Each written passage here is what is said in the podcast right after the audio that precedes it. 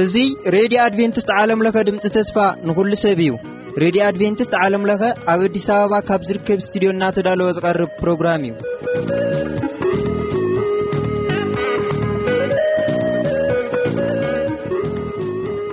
ሰላም ከመየለኹም ክብራት ሰማዕቲ እዚ ኩሉ ግዜ በዚ ሰዓት እዚ እናተዳለወ ዝቐርበልኩም። መደብ ህያው ተመክሮ ክቐርበልና እዩ። ኣብ መንጎ እውን ዝተፈላለዩ ጠዓሚ ዘመታት ኣይሰኣናን። ምሳና ፅንሑ። ሰናይ ምክትታል።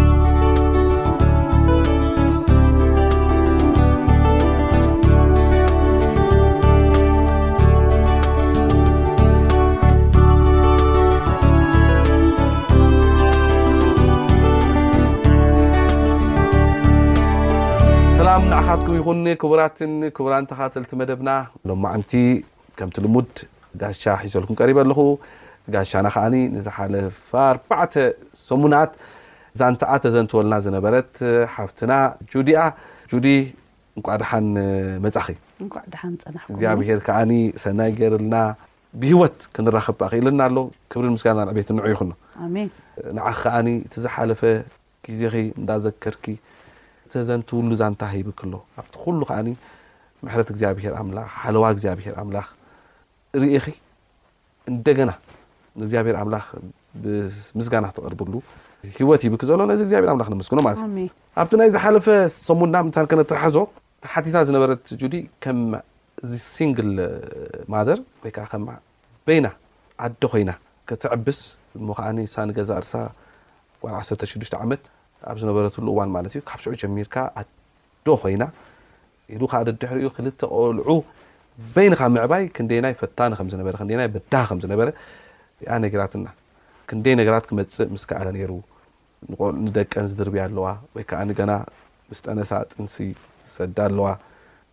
ደድሕሪኡ ውን እቲ ሂወት ከፊኡ ውን ሰይጣን ምንባር ታይ ይሕሸኪ ዝሓለፍኪ እኮ ሕሸኪ እንዳበለ ንዕኡ ሰሚዐን ከኣ ሂወተን ዘቃብጻ ኣለዋ በዚ ኩሉ እግዚኣብሄር ኣምላክ ሓጊዝዋ ሰይጣን እኳ ብዙሕ ተተፈተና ግን እቲ ከቢድ ግዜ ሰጊራቶ ማለት እዩ። ዳሕራይ እቲ ሓቲታቶ ዝነበረት ሕቶ ከኣ ግደ ቤተሰብከ ከመይ እዩ ኣብ ከምዚ ዓይነት ነገር ንዘሎ ብፍላይ ከኣ ደቂ ኣንስትዮ ጌጋ በይና ትገብሮ ኣይኮነን ጓል ኣንስተይቲ ግን እቲ ዝበዝሐ ክፋል ግን ትወስዶ መን እዩ ሰያ ስለዚ ኣብ ከምዚ ዓይነት ነገር ናይ ሓገዝ ናይ ቤተሰብ ክንታይ ይኸውን ዝግብኦ ቤተክርስትያን ከ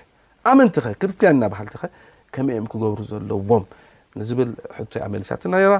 ሎሚ ከዓኒ ናብቲ ናይ ሓምሻይ ክፋል ክንኣቱ ኢና ጁድየ ሎሚ ከዓኒ ነዚ ኩሉ መቸም ምኽንያት ክኸውን ኢለ ዝሓስቦ ነገር ተሎ እንታይ እዩ መጀመርያ ቆልዑ ናብ ቤተሰብ እንድዮም ዝውለዱ ንቤተሰብ እዮም ዝውለዱ እታ ናይ መጀመርያ ኢንቫይሮንመንት እታ ናይ መጀመርያ ከባቢ ኩላ ነገር ዝመሃሩላ ፍቕሪ ዝመሃሩላ እምነት ዝመሃሩላ ንገዛእ ርሶም ዝፈልጡላ ንካልእ እውን ዝፈልጡላ ቤተሰብ እያ እሳ እንድሕር ተሃሪማ ከዓኒ እንታይ እዩ ዝመፅእ ቀሪ ነገር ኣይኮነን ሰይጣን ከዓ ንዓይ ዝሃርማ መጀመርያ ጓል ሓደ ዓመትን ፈረቓን ኮለኺ መስለኒ ናብ ኣዴኺ ናብ ኣዲስ ኣበባ ዝመፀት ሓቂ ጓል ክልተ ዓመት ንበሉ ናብ ባፅዕ ከይዳ ማለት እዩ ናብ ባፅዕ ከይዳ ሕጂ ተፈላለኹም ቀሊል ኣይኮነ ምስ ዓባይኪ ክትነብሪ ኮይንኪ ማለት እዩ ሕጂ ቤተሰብ ማለት ብዛዕባ ፍትሕ ክንደየናይ ክጎድእ ከም ዝኽእል ንስኺ ስለ ዝሓለፍክዮ ክትዛረብሉ ትኽእል ኢኺ ዝሓስብ ንዓኺ ዝበፅሓኪ ነገራት ስለ ነቶም ኣብ ሓዳር ዘለዉ ከምኡ ከዓኒ ናብ ሓዳር ክኣትው ንዝደልዩ እንታይ ትመኽርዮ ማለት በቲ ስኺ ዝሓለፍክዮ ዛንታ ማለት እዩ ሮቤለይ ወላ ኣብ ሓዳር ኮይኑ ወላ ሓዳር ዘይብልካ ኮይኑ ቆልዓ እንድሕር ወሊድካ እቲ ቆልዓ መን ይምፅእዎ እዚ ቆልዓ ባዕሉ ድዩ ተወሊዱ ኣይኮነን ኣነ የምፅኤዮ ምሽ እሳ ኢካ ክትሓስብ ደለካ ቅድሚ ምውላድካ ሰብኣይን ሰበይትን ናታቶም ናብራ እያ ናይ ክልቲኦም ንበይኖም ደለዩ ክገብሩ ይኽእሉ እዮም ግን ምስ ወለዱ ግን ወላ እቲ ሰብኣይ ወላ እታ ሰበይቲ ናታ ናብራ ኩሉ ተወዲኡ ማለት እዩ ልክዕ ምስ ወለደት ናይቲ ሰብኣይም ናይታ ሰበይትም ዝነበሮም ኣፖርቹኒቲ ምርጫ ወላ እዚ ክገብር እቲ ክገብር እዚ ክገዝእ እቲ ክገዝእ ኣብኣያ ትእጥኡ ትብል ንምንታይ እኽእል እየ ቆልዓስ እደሊ እየ ኸዕብዮ እኽእል እየ ኢልካ እንድሕር ደኣ ወሊድካዮ እዚ ቆልዓ ሓላፊነት ኣለካ ናይ ብሓቂ እወ ኣምላኽ ከም ሂበካ እዩ እቲ ሓላፊነት ስድራኻ ም ኩሉ ኩሉ በቃ ነብስኻሲ ኣነ ይኽእል እየ ኢልካ ኣሚንካሉ ኢኻ ወሊድካዮ ንዚ ቆልዓ ሙሽ እወ እቲ ዓንቶይ ዝተዛረብናዮ እቲ ማን ዝብለካሲ እቲ ቀደም ዝተዛረብኩ ዝሓለፈ ገለ ከይፈተኻ ተምጽኦ ነገር ዝወለድካዮ ገለመ እሱ እንኳን ቁርብተይ የብለካ ዩ ኖ ክርስትያን እንድሕር ደኣ ደይኮንካስ እወ፣ እሱ- ካልእ ዓይነት ምርጫኻ ንኽትመርጽሲ ብዙሕ እንታይ እዩ ዝበሃል ኣሎ ግን ኣብ ሓዳር ዝነበርካ ኪዳን ኣብ ዘለካ ሓዳር እንድሕር ደኣ ኮንካ ግን ሓላፊነት ኣለኒ ናተይ ን- ዝብላ ነበርኩ ናብራሲ እታ ን- ንጁዲ ዝብላ ነበርኩ ናብራ በቃ ሽዓ ተወዲኣ ማለት እዩ ናይ መን ናብራ እየ ዝነብር ናይ ደቀይ ንምንታይ እዞም ቆልዑ ቀዳማይ ነገር ዓቅሚ የብሎምን ኣፍ የብሎምን ክውለዱ ከለዉ ከማን ንኣሽቱ ኮይኖም ማለት እዩ ድማ ከዓ ዓቅሚ ኩሉ ነገር ክገብሩስ ኣይክእሉን እዮም ኣነ ዝመራሕክዎም ኣነ ዝገበርኩሎም ከማይ ኮይኖም እዮም ዝነብሩ ስለዚ ክንሓስብ ኣለና ኣምላኽ ንዓና ከመይ ጌሩ እዩ ሹሹ ኢሉ ደቕምጠና ርኢኻ እሞ ሽዓ ንዓይ ካብ ሕማም ኣብጽ ኣውጺኡኒ ካብ ካብ ምሟት ኣውጺኡኒ ካብ እዚ እዚ ጌሩለይ እዚ ጌሩለይ ኣነ መዓልቲ ገና ክትስእ ከለኹ ጀሚረ ክሳብ ትዓርብ ጸሓይ ዝገብረለይ ነገር ኩሉ ኣምላኽ ጓለይ እያ ኢሉ ሓሲቡ እዩ ኣነ ስለ ነብሰይ ስለ ድብል ባዕለይ ክቆጻጸር ስለ ድኽእል ምርጫይ ናተይ ይኸውን እምበር ኣምላኽ ብኹሉ ነገር እዩ ዝሕልወና ግን ምርጫና እንድሕር ኣስተኻኺልና ትኽክለኛ ዝኾነ ናብራ ክንነብር ንኽእል ኢና። ርኢኻ? ስለዚ ንሕና ኸኣ ነዞም ቈልዑ ኸኣ ከምቲ ኣምላኽ ንሕና ጽባሕ እንታይ ከም ንኸውን ዘይንፈልጥ ዝንከባኸበና፣ ንሳቶም ከኣ እንታይ ከም ዝኾኑ ይፈልጡን እዮም። ሕጻናታት ወላ ሓንቲ ነገር ኣይድያ የብሎምን ናይዚ ዓለም ነገር። ስለዚ ንሕና ስለ ዘምጻእናዮም ኣነ እንድሕር ደቀይ ከምዚ ኩኑ ኢለ ከምዚኣ ገይረ እዚ ኣይትሓስዉ፣ ኣይትስረቑ፣ ከምዚ ትግበሩ፣ ከምዚ ትግበሩ ኢለ እንድሕር ምሂረዮም፣ ስነስርዓት ዘለዎም ቆልዑ ኮይኖም ይዓብዩ ግን ኣነ እንዳሰረቅኩ እንዳሓሰኹ ኩፉእ ነገር እንዳገበርኩ ኣይትግበሩ እንተኢለዮም ይቅበሉኒ ዶ ማማ ከምዚ ገይራ እንድያ ምሽ ዶ ማማ ከምዚ ገይራ እንድያ እንታይ ኣሎ ንዓና ፈሊጣ እያ ከምታ ንሕና ሓጢኣት ኣይትግበሩ ክብለና ከሎ ኣምላኽ እንታይ ኣለዎ በቃ ከምዚ ተኮይነ ከምዚ እየ ድኸውን ኢልና ንገብራ ሓደ ሓደ ነገር ኣሎ ምሽ ከምኡ ማለት እዩ ንሳቶም እውን ከምኡ እያ ከምታ ኣምላኽ ንዓና ዚንከባኸበና፣ ንሕናም ንደቅና ኽንንከባኸቦምን ክንመርሖምን ኣለና። ርኤኻ? እቲ መጽሓፍ ቅዱስ ንወለድም ጭምር መምሃሪ እዩ። ንዅሉ ህዝቢ መምሃሪ እዩ። ኣምላኽ ንዓና ሂቡና፣ ንሕና ኸኣ ንደቅና ንምህር። ስለዚ ሓዳር፣ እቶም ኣብ ሓዳር ኪኣትዉ ዚሓስቡ። ዚሓስቡ ሰባት፣ መጀመርያ ሓዳር እንታይ ማለት ምዃኑ ኪፈልጡ ክኽእሉ ኣለዎም። እወ። ካልኣይ ከኣ ኪዳን ምዃኑ፣ እወ። ናይ ዘለኣለም ምዃኑ ኪርድኡሎም። ኪርድኡሎም። ብፍላይ ከኣ ድሕሪ ቈልዓ ምስ ኣምጽኡ ኸኣ ቀዳምነት ሓላፍነት ምዃኑ ንምንታይ በቲ እሳቶም ዝውስንዎ ውሳነ መን እዩ ካብ መጥብ ንላዕሊ ዝጉዳእ እቲ ቆልዓ እዩ ዝጉዳእ እቲ ቆልዓ እዩ ናብ ዘይተደለየ ናብ ከምዚ ዓይነት ነገር ዝኣቱ ሕጂ ሰይጣን ነታ ቤተሰብ ምድሕር ሃሪምዋ እቶም ቆልዑ ግድኡ እሞ ደድሕሪኡ ከምቲ ናትክ ናብ ካልእ ሓላፍነት ይኣቱ ማለት እዩ እስኺ ጓል ዓሰርተ ሽዱሽተ ዓመት ከለኺ ወሊድኪ እዚ ኩሉ እንታይ ዝኾነ ዝማሞቐ ቤት ደሊኺ ፍቕሪ ደሊኺ ናብ ከምዚ ዓይነት ተቓላዒ ዝኾነ ባህሪ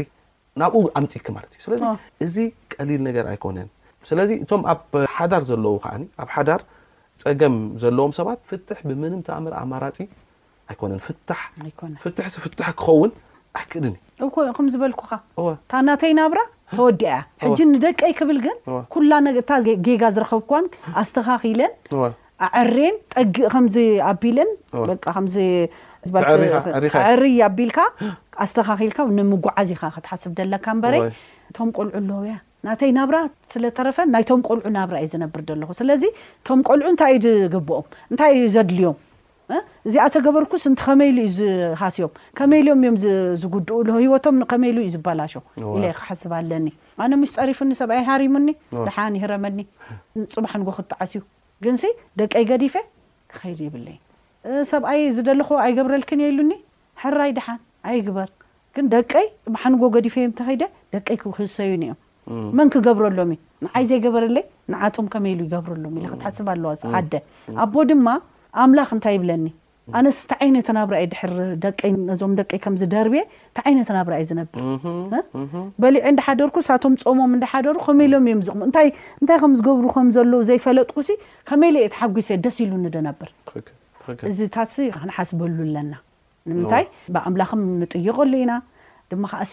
ኣብ ህይወትና ከኣ ዝገበርና ጌርና ምስ ኣምላኸ እየ ድጓዓዝ ዘለኹ ኣነ ንኣምላኸ ይገልግሎ እየ ዘለኹ ኣምላኽ ዝበለኒ ግን ኣይገበርኩን ከመይ ኢለ እየ ድሕጎስ። ጽቡቅ ሕጂ ናብ ካልእ ክንኣቱካ ሕጂ ብቲ ናይ ንእስነትኪ ግዜ ደድሕሪ ምስ ወለድኪ ዳሕራይ ናብ ዝተፈላለየ ወልፍታት ግዜ ንእስነት ትኣትወሉ ዋላታት ኣሎ። ሮቤለይ ደቅኪ ተዕቢ ከለካ ቀላል ኣይኮነን እወ ኣነ ድማ ኣብ ሹቅ ዱካን እንዳ ክዳውንትን እንዳ ሳእንን ሰሪሐ ሲ ደቀይ ከዕቢ ኣይከኣልኩን። ዋው። ዕብይ ዝበለ ቦታ ከኣ እንተ ተኸድኩ ከኣኒ ብኻልእ ምኽንያት ከኣኒ ይስጎግ። ዋው። ሕጂ ናይ ብሓቂ ሽዱሽተ ሽሕ ድኽፍሉኒ ሰብ ነይሩ በቲ ግዜ እቲ። በቲ እው። ግን እቲ ሰብኣይ ፈትዩ ፈትየኪ እንዳ በለ ስለ ዘሸግረኒ ኦ። ከመይ ገለ ከስ ክሰርሕ ድማ ኣነ ዝርኢ ድነበርኩ ንደቀይሲ ካልእ ኣቦ ኣይምጽኣሎም እየ ትብሃል ታይ ዝበሃል ነይርሃኒ። ሓላፍነት እኳ እዩ ዝብሉ። እወ ነይርሃኒ እሞ እዚ ሰብኣይ በዚ ተበልኩ በዚ ተበልኩ ድሓር በቃ ኣብ ዘይከውን ነገር ኣትየ በቃ ሮቤለይ ክዛረቦ ኣብ ዘይደልዮ ነገር ኣትየ ሽጋራ ዲኻ መስተ ዲኻ እታ ዲኻ ጫት ዲኻ ዘ ኩሉ ነገር ዘይገበርኩዎ ነገር የለን ኣብኡታት ኣብ ከምኡታት ዓይነት ነገር ኣትየ ንምንታይ ደቀይ ከዕቢ ኣለኒ እያ ዝደለይዎስ ክረኽቡ ኣለዎ ዝብል ድሓር ከዓ ሰይጣን ርኢኻ ንደግኺ ኢልኪ እንታይ ኣሎ ዝብለካ ነገር ኣሎ እሞ ንዕኡስ ኣብኣ ተጋጊ ከይደ በቃ ጠፊኤ ጠፊኤ በቃ ደሓር ደቀይ ዓብዮም ዓብዮም ቁርብተይ ነብሲ ክልቲኦም ወዲ ዓሰርተ ኣርባዕተ ዓሰርተ ሓሙሽተ ዓመት ኮይኖም ኦ። ዝብለካሲ ነብሲ ፈሊጦም ማለት እዩ ኦ። ሕጂ ንመን ፈርሕ ጀሚረ ንዓቶም ንዓቶም ፈርሕ ጀምረ እንድሕር መ- ኣፈይ እንድሕር ሰትየ ኣብ ገዛ ይኣቱኒ ቅድሚ ምእታወይ ነዚ ኣፈይ በቃ ብክንደይ ነገር ኣቢለ ማስቲካ ዲካ እንታይ ዲካ ገይረ እየ ድኣቱ ድማ ካኣ ካብ ደቂ ካኣ ክፍለ ኣይደልን እየ ስለዚ ድሕሪ ሰትየ ቡእ ቢለ እንዳ መሓዙተይ ቡእ ቢለ ናብ ዝኮነ ወላ ምስ ኣዕሩክተይ ዝገብሮ ኣይፈልጥን እየ ነይረ ሽዑ ነው ሓደ ኣርባዕተ ዓመት ከምዚ ድሓር ጓለይ እንዳ ዓበየት ክትከይድ ከላ እማ እዚ እኮ ከምዚ ጽቡቅ ኣይኮነን እሳ ትምክረኒ ጀሚራ ድሓር ሰቅቅ ጀሚረ በቃ ዋይ ኣነ እዛ ጓለይስ ከምዚ ኢላሃኒ ደሓር ከኣ መሊሰ ከኣኒ ይርስዖ እንደገና ከኣ መሊሰ ከምኡ እንደገና መሊሰ ከምኡ በቃ ናብራይሲ እንታይ ዓይነት እዚ እንታይ እሞ ክብለካ ነዚ ኣምላኽሲ ከብዛ ዘይፈልጦ ኮይኑ በቃ ኣርባዕተ ዓመት ግን ዝገርመካ ሮቤለይ ስኽር ኢለ መፅስ ኣብቲ ዓራተይ ኣብታ ዓ- ጥቓ ዓራተይ ኮይነ እንዳፀለኹ ብኡቢሉ ከማን ድቃስ ይወስደኒ ኣንታ ኣምላኸይ በ- ባዕልኻ ትፈልጥ ከምዚኣ ገይረ እሞ ቅር በለኒ ኢለ በቃ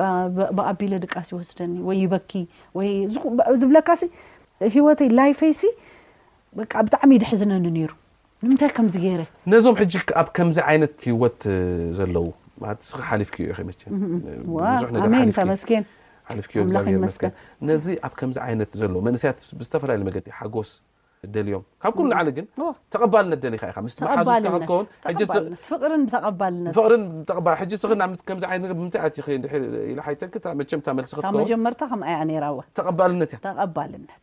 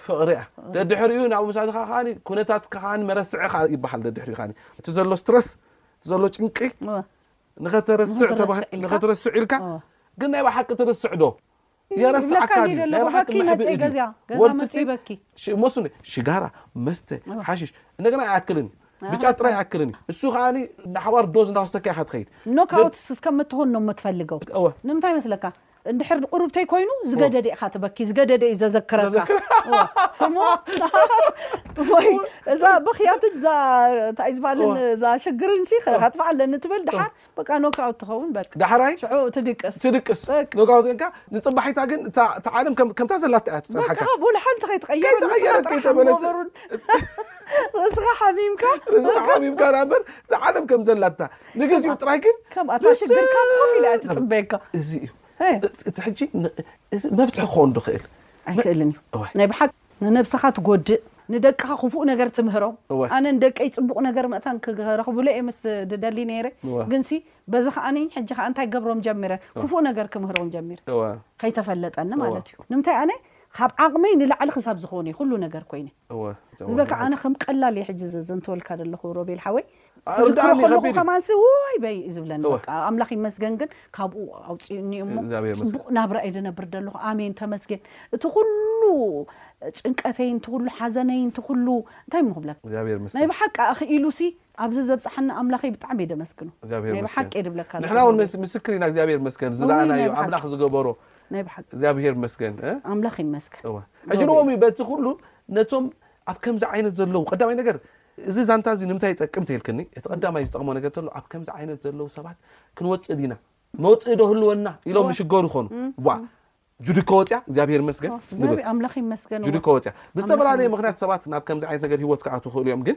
እግዚኣብሔር ኣምላኽ የውፅእ ካልእ ሓድሽ ሂወት እዩ ማለት የውፅኣካ ዮ ሓርነት ኣውፅኡና ኣነ ሕጂ ምስ ኣምላኸይ ምስ ደቂ እንዳመስገንኩ ኩላህና ምስ ኣምላኸይ መጀመርያ ሕጉስቲ ኮይነ ወላ ሓንቲ ነገር ስንዓይሲ ከምዚኣ ኢሉ ከጉህየኒ ዘይክእል ወላ ሓንቲ ነገር ዝብለካ እንድሕር ድኣ ንሓንሳብ ንኣምላኽ ሒዝካ ወላ እቲ ዝገበርካዮ ንግዚኡ የሕዝነካ እዩ እወ። ኣነ ክሳብ ቁሩብ ተጊዜ ሓደ ሰባኺ መጺኡ ኣምላኽ እንድሕር ድኣኒ እቲ ሓጢኣትናን እቲ ኩሉ ዝገበርናዮ ይቕረ ኢሉናስ ንስኻትኩም ንነብስኹም ንምንታይ ኢኹም ይቕረ ዘይትብሉ እንድሕር ነብስኻ ይቕረ ዘይብልካሉ ትኽክለኛ ሰብ ኮይንካ ክትነብርስ ኣይትኽእልን እወ፣ እወ። መጀመርታ ንነብስኻ በቃ እዚ ገይረ ሙሽ በቃ ይቕረ ኢሉኒ እንዲ ኣምላኽ ኣነ ድማ ይቕረ ኢለ ሓድሽ ሂወት ኦሆ፣ ክጅምር ኦሆ፣ ኣለኒ ኦሆ። ንምንታይ ከምዚ ገይረ እንዲ ከምቲ ገይረ እንዲ እንዲ ኢልካ ትዝክሮ ኮንካ ኦ ማይ ጋድ ምስ ኣምላኽካ ም ኣይትነብርን ኢኻ እወ። ናይ ሓሶት እዩ ክርስትናኻ ማለት እዩ ትኽክል ናይ ብሓቂ እየ ዝብለካ ትኽክል። ዘለኹ ንምንታይ ክሳብ ኣነ ሓሚመ ብስፒዳለ ዝኣቱ ኩሉ ሻዕ ንነብሰይሲ ንደቀይ እኮ ከምዚ ኮይነ ኣርእየዮም እየ ሰኺረ ሪኦምኒ እዮም ከምዚ እኮ ገይረ እየ እንዳበልኩ ንነብሰይሲ ይወቕሶ ነይረ በቃ እንታይ እሞ ክብለካ ኣነ እኮ ከምዚ ዝገበርኩ ሰብ እየ ሕጂ ሓደ ነገር ከሳቀካ ሓደ ሰብ መጺኡ ምስ ተጠመኩ ማለት እዩ ፈትየኪ እሞ ንመርዓው እብለኒ ንሱ ወላ ሓንቲ ነገር ሪኡ ዘይፈልጥ ኣነ እዛ ዓለምሲ ከምዚ ቢለ ኣቢለያ ድወፃኹሲ ከመይ ኢለ ምስ ዝምርዓው ወይ ኣንታ ኣነስ ይትረፍካ ኢለ ይትረፍካ በጃኻ ኖ ኖ ኖ ይትረፍካ ኢለዮ ድሓን ሕሰብሉ ንጸሊ ኣንስኽም ጸሊ ኣነም ክጽሊ ኢሉ ወይ ናይ ምንታይ ጸሎት ዳ ለክዕ ምስ ተጠመኩ እዩ ተጠሚቐስ ሓደ ሽዱሽተ ወርሒ እኳ ይገበርኩ ገለ ኖ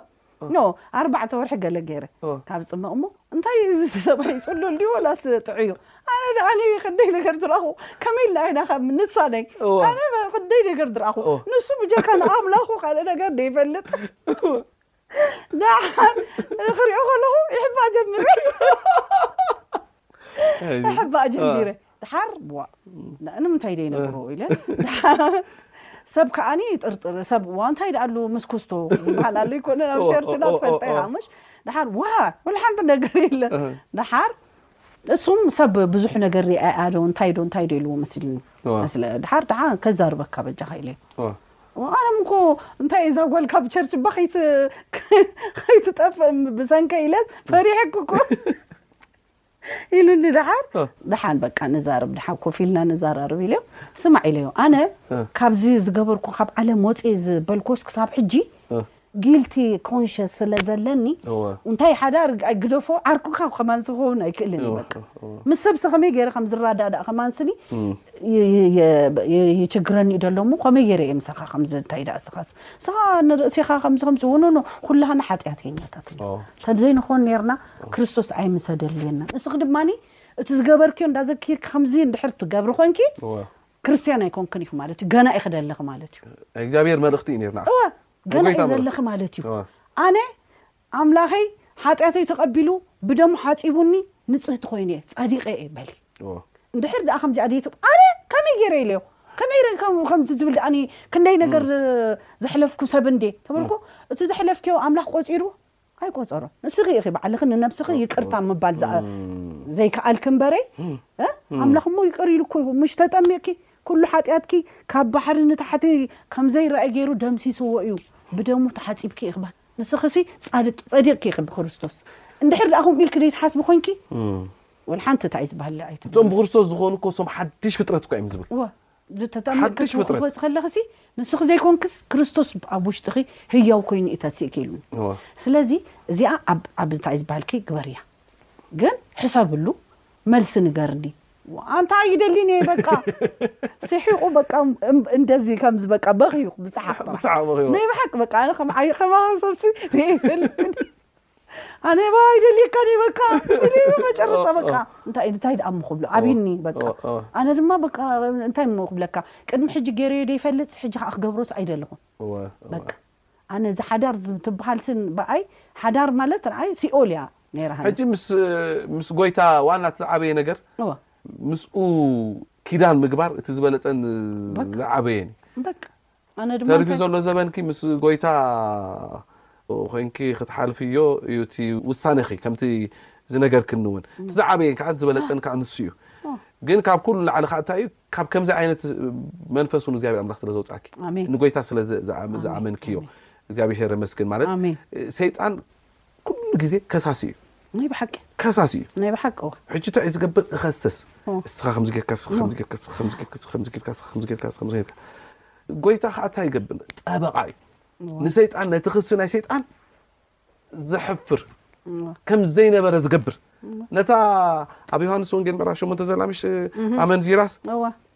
እዎ እዚኣ ረኣኒ ከምዚኣ ተባሂላ ንዑ ብዳርባ እምኒ ተባሂሎም ዳርባ እምኒ ክሃርምዋ ክውቅዕዋ ዘሉ ናብ ክርስቶስ መፅኦም እዚኣስ ከምዚ ክትገብር ከምኡ ኮይና ፅቡቅ ስለዚ ክርስቶስ ከዓኒ ኣብታ መሬት ፅሒፉ ሕጂ ኩላቶም ኩሎም እዚኣቶም እኮ እቶም ሃይማኖተኛታት ዝበሃሉ ሰባት ኩላቶም ፅሒፉ ፅሒፉ እቶም ናይ መጽሓፍ ቅዱስ ሊቃውንቲ እንታይ እዮም ዝብሉ ኣብኣስ ናይ ኩላቶም ዝገበርዋ ነገር እዩ ዝፅሕፍ ነይሩ እዩ ዳሕራይ ተበለሲ ኩሎም የለዎም ኩሎም የለዎም መጀመርያ ግን እንታይ ኢልዎም ካባኻትኩም ሲ እቲ ሓጢኣት ዘይብሉ ንዓ እንታይ ይግበራ ኣይህረማ እኳ ይበለን ይግባኣ እዩ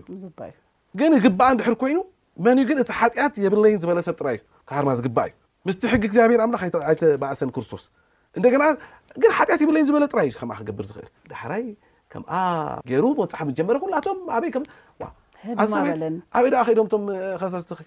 እንድዒ ኩሎም ገይሮም ኣሪሞም በሊ ኣነ ውን ኣባኺ ኣይፈርድን እየ ክስ ይብለይ ደጊምኪ ግን ሓጢኣት ኣይስርሒ እዚ ጎይታ ማለት ኩሉ ግዜ ፈተውቲ ሓጢኣተኛታት እዩ እንደገና ይቕረ በሓሉ እውን እዩ ሓድሽ ብዝህብ ስለዚ ንሰይጣን ስለ ዝተዓርክዮ ከዓ እግዚኣብሔር ዘመስግን እቲ ከም መጀመርያ ከባቢ እቲ ክሲ እስኺ ከምዚ ዶ ነበርክን ከምዚ ዶ ነበርክን ከምዚ ማርቲን ሉተር እንታይ ገይሩ በሃል ሰይጣን ክኸሶ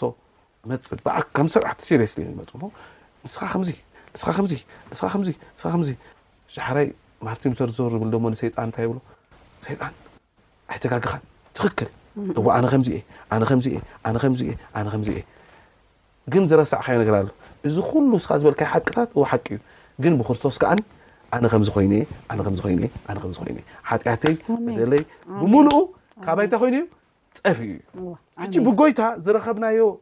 ነገር ቀሊል ኣይኮነ ፅድቂ ብእምነት እዩ ንብሎ በዚ ምክንያት እዚ ጎይታ ብዝገበሮ ዳኣ እምበር ብስራሕና ኣይኮነን ማንም ብስርሑ ዝፀድቕ የለን ስለዚ ሰይጣን ከዓ እንደገና ናብ ጎይታ ምስ መፃኺ ብምክሳስ ናይ ትማሊ ነገርኪ ብምምፃእ ዝገበር ዘምፆ ዝነበረ ነገራት ስለ ዝሰዓርክዮ እውን እግዚኣብሔር መስገን ሕጂ ነፃ ኢኺ እግዚኣብሔር መስገን ሓቂ ሕጂ ውሽጢኺ ብምልኡ ዕረፍቲ ዘለዎ እዩ ናይ ብሓቂ ንኹም መኻሪት ከም ዝኾን ክፈልጥ ንቆልዑ መኻሪት መንእሰያት መኻሪት ምዃን ክፈልጥ ነዚ እግዚኣብሔር ኣምላኽ ከመስግኖ ስለዚ ኣብ ከምዚ ዓይነት ንዘለዉ መንእሰያት እቲ ናይ መወዳእታ ምክሪ ትህብዮም ተሎ ንዓ ክክበክ እሞ በዚ ናይ ሕጂ ፕሮግራምና ክንክን መንእሰያት ክሳብ ጥፍኣት ተጥፍእዋ ሕጂ ናይ ምውላድ ወላ ናይ ዝኾነ ሲጋራም ኮነ ኩሉ ኩሉ ነገር ግን ኣብ ኣምላኽ እንድሕር ተመሊስኩም ንኣምላኽኩም እንድሕር ደኣ ተቐቢልኩሞ፣ ብምሉእ ልብኹም ተቐበሉ። ከምታ ኣነ ዝገብራ ዝነበርኩ ኣይትግበሩ። ኣነ ከምዚ ገይረ እንድየ፣ ከምዚ ገይረ እንድየ፣ ኣይሰርሕን እዩ። ድማ ንመጀመርያ ኣነ ንነብሰይ ይቅር ክብል ኣለኒ። እዚ ኹሉ እጥፍኤ እሞሽ በቃ ኣጥፍኤ በቃ ይቅር በለኒ ነብሰይ ኢለ ደሓር ከኣ ንኣምላኸይ ከኣ ይቅር በለኒ ትብሎ።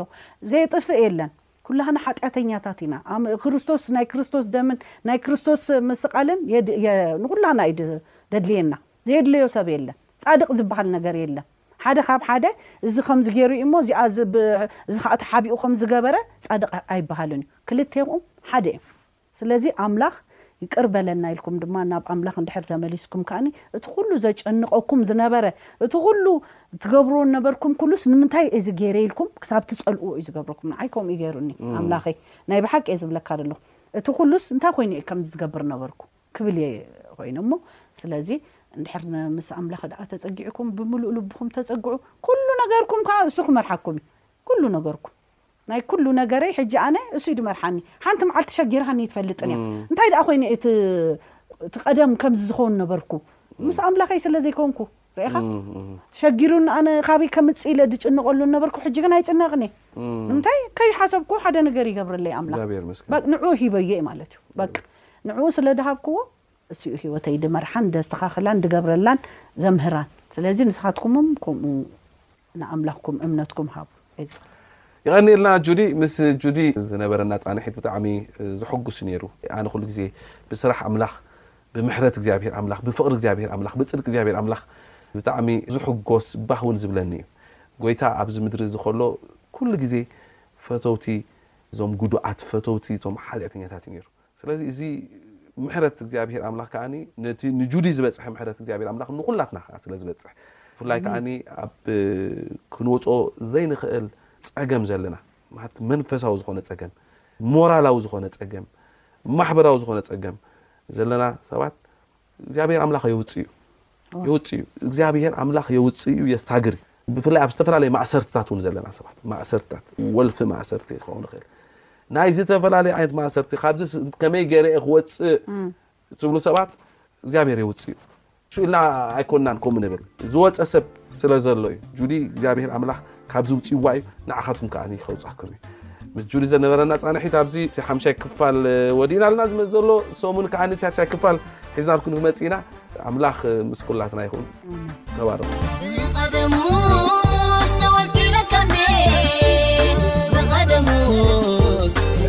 Kane